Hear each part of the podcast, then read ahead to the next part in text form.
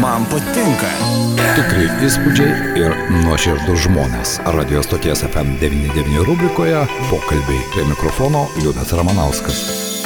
Na, o šiandien, bičiuliai, ko gero pats laikas pakalbėti apie gandrų. Šiandien juk rūpiučio 24 gandrų išskridimo diena ir be jokios abejonės apie tai, kaipgi gandrai palieka ir Dzukiją, Pietų Lietuvą, netrukus mes ir pakalbėsime su mūsų pašnekovu, Žuvinto rezervato vyriausiojo ekologu Arūnu Pranaičiu. Labadiena, gerbiamas Arūnai. Sveiki, gyvi. Na štai, atėjo ta diena, kai gandrai palieka Lietuvą. Vieni palieka, kiti lieka, bet kokia situacija žuvintė ir pietų Lietuvoje? Ar iš tikrųjų gandrai jau šiandien kelia sparnus? Aš pasakyčiau, kad didė, didžioji dalis e, gandrų, ko gero, jau išskridė ir kažkur tai apie Ukrainą, galbūt net pasiekė ir viduržėmė jūrą. Sudėtinga pasakyti, bet galim drąsiai padaryti išvadas, kad e, dauguma gandrų, ko gero, jau yra išskridę. Mhm. Man teko stebėti štai praėjusį ketvirtadienį, penktadienį besibūruojančius, na ten iki 50, 80, netgi iki 100, kurie sukdavo ratus, suko, suko, jie ten kildavo į viršų, termikus gaudydavo ar šiltas oro sraves.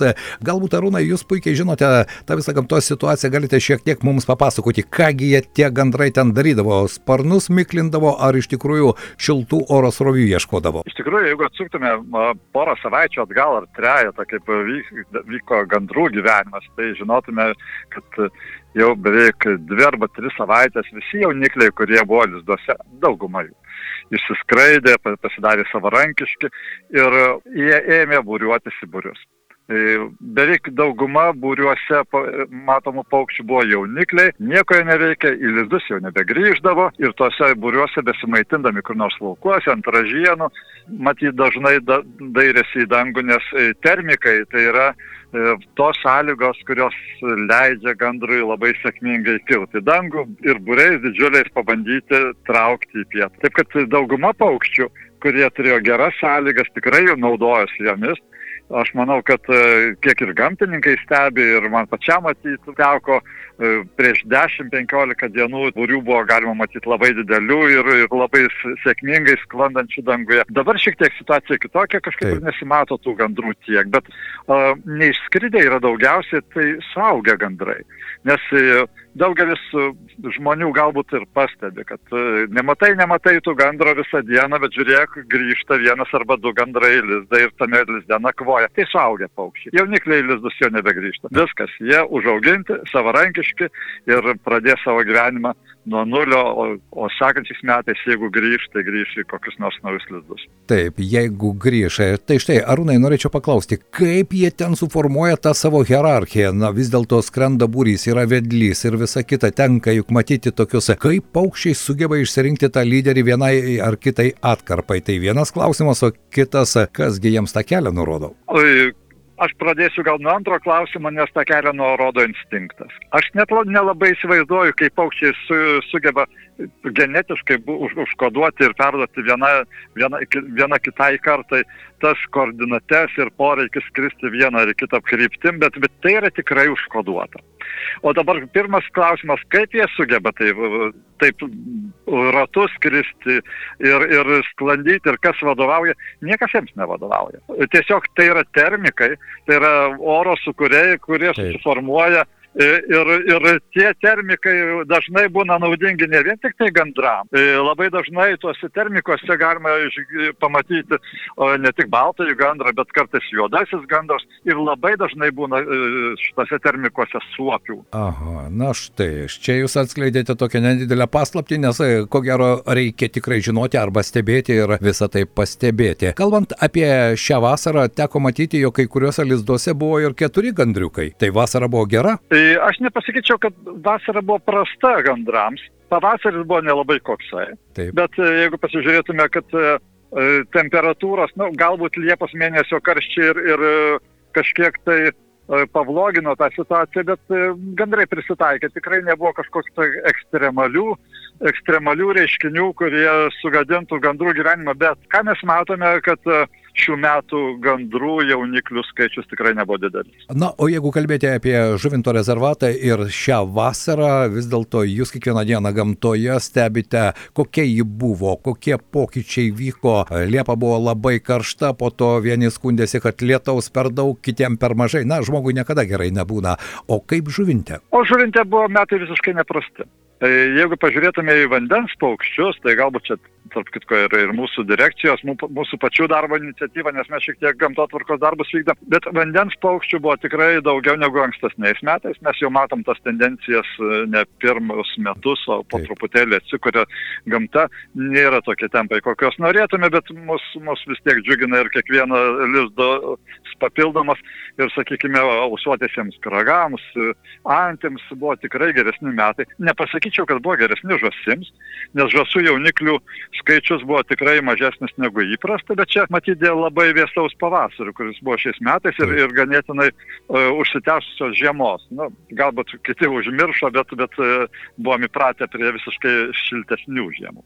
I, o visiems kitiems paukščiam manau, kad tie metai buvo tokie vidutiniai, tai reiškia, kad tikrai neprasti. O pačiam žuvintui ir pačiam rezervatui palios visą kitą keletą metų juk buvo per daug sausa, vandens lygiai buvo ir giluminiai vandenys buvo nusekę, o štai šie metai to vandens pridėjo? Šie metai nepablogino situacijos. Aš būčiau labai drasus ir per daug prisigirčiau, jeigu pasakyčiau, kad e, kažkiek situacija pagerėjo. E, mes daugiau lietaus matome vasarą, bet lietau, vasaros lietus dažniausiai išgaruoja. Pelkiai, pavyzdžiui, labai svarbu yra e, vandens kiekis ar drėgmės kiekis, kuris susikopia per visus metus ir ypatingai žiemą. Tai praeitą žiemą nors ir atrodė buvo snieginga, bet jinai, kaip kad nebuvo potvinio, taip ir pelkė negavo pakankamai drėgmės. Taip kad pelkės pakraščiai tikrai yra gerokai sausesni negu kad turėtų būti. Ir mums kiekvienas lietus dažniau yra laukiamas negu kad nelaukiamas. Supratau. Arūnai, artėja ko gero vienas iš gražiausių metų, ruduo ir iš tikrųjų išskrendantis paukščiai. O kaip žmonės atkeliauja į žuvintą? Na ir aš tikiuosi, kad ir šį rudenį bus galimybė stebėti tos e, išskrendančius paukščius, e, o ar žuvinto rezervatas tam pasiruošęs? Žinote, aš vakar vakare skaičiavau visiškai šalia gamtos tako žuvinto pakrantė, nu, skridusias nakvoti gervės jų buvo apie 230, jau saulė leidosi ir žmonių, bijau pasakyti, buvo bent 15 tuo metu gamtos tokia. Ta prasme, kad tyliai ramiai atvažiuoja pasižiūrėti ir pasigėrėti tą gamtą, kurią dar galima pamatyti.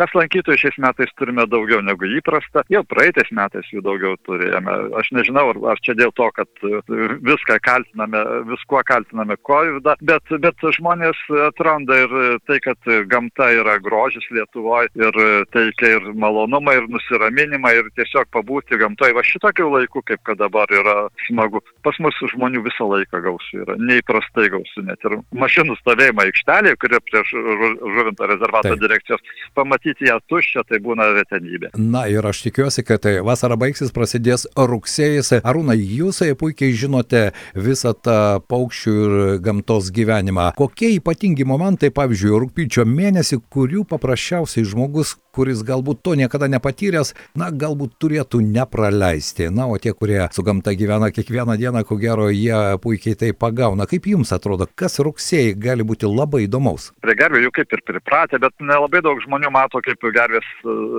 renkasi į būrius ir būriuojasi. Juos galima pamatyti, nes e, rugsėjais praeis ir jau spalio mėnesį gervių nebepamatysim. E, lygiai tas pats su žosimis, kurios dabar ir būriuojasi ir žuvinto rezervate ežere pačiame mes suskaičiuojame skaičiuojam dabar apie 2000 žąsų, bet jų ko gero dar daugės.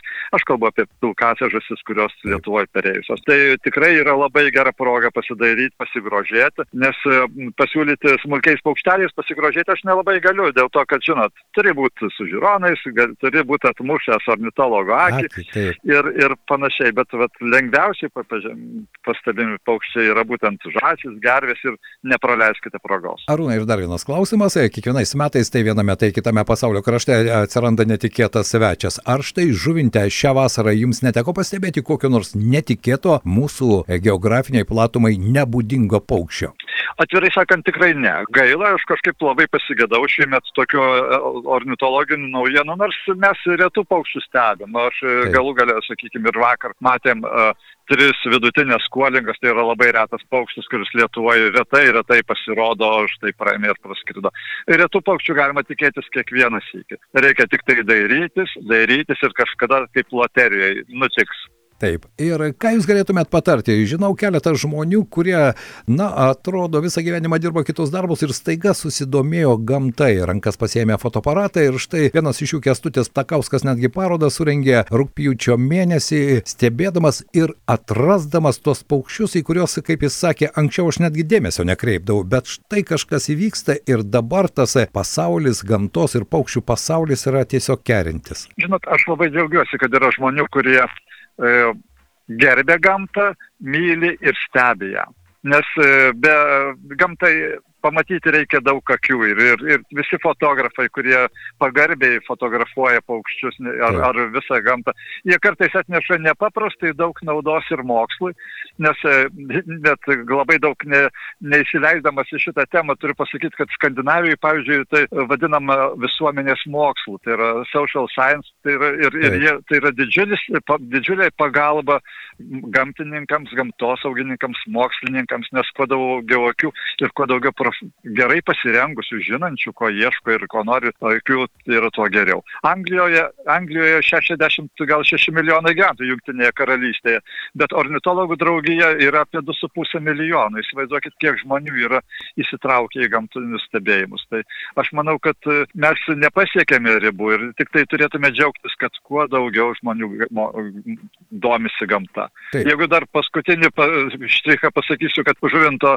rezervate vieną iš pačių rečiausių augalų, tai yra skiautalapį, elbinis skiautalupį, atrado ne mokslininkė, o grinai gamtos mėgėjas Marijampolės, kuri fotografavo, ieškojo, surado ir išsiaiškino, kad tai yra labai reta. Na štai, prašau. Žinau, kad tai europiečiai, na, galbūt tai šie pastarėjai metai nėra tokie lengvi kelionėms, bet vis dėlto su galimybių pasu keliauja ir ar žuvintė šiais metais su, sulaukite galbūt svečių iš kitų šalių, kurie taip pat nebeingi ir gamtai, ir paukščiams, ir tai aplinkai, kuri mus supa. Žinot, žuvintas darosi tokia įdomi vieta užsieniečiams iš tikrųjų. Mes sulaukiam žmonių, mes sulaukiam ne ekskursijų, mes sulaukiam pavienių žmonių, Taip. ornitologų, gamtininkų, kurie, kurie galbūt naudodamėsi mūsų informaciją, kurią mes bandom paskleisti, vis tik tai socialiniai tinklai savo daro, atvažiuoja pas mus pastoviai ir, ir norinčiai ir iš Lenkijos, ir Vokietijos. Aš kiek įsivaizduoju, kad čia tikrai daug atvažiuoja ir kurie nori susirasti informacijos, kad tai yra įdomi vieta. Jo labiau, kad mes esame jau neprastai pasiruošę. Lankytojų centras tikrai geras, ir žinau tai iš, iš atsiliepimų žmonių, nesigiriu, bet, bet atsiliepimai tikrai yra labai mus džiuginantis. Gamtinis takas yra pakankamai geras. Buktos miškas yra nuostabi vieta pasivaikščioti. Taip kad tikrai yra ką pasižiūrėti ir yra ką pamatyti. Tai ir kviečiame padaryti ir mūsų klausytojus ir noriu padėkoti mūsų pašnekovui Žuvinto rezervato vyriausiam ekologui Arūnai Pranaičiui už tokį įdomų, intriguojantį pasakojimą. Ačiū Jums ir tikėkime, kad rugsėjas dar atneš ne vieną netikėtumą tiems, kurie moka matyti. Ačiū Jums. Dėkui ir Jums gražių dienų. Na štai, o ko gero tiems, kurie vis dėlto pakelia akis į dangų ir pamato paukštį. Verta kartais iš tikrųjų išgirsti, išgirsti gamtos garsus, o jie juk patys įvairiausi. Tikri įspūdžiai ir nuoširdus žmonės. Radio stoties FM99 rubrikoje pokalbiai prie mikrofono Liudas Ramanauskas. FM99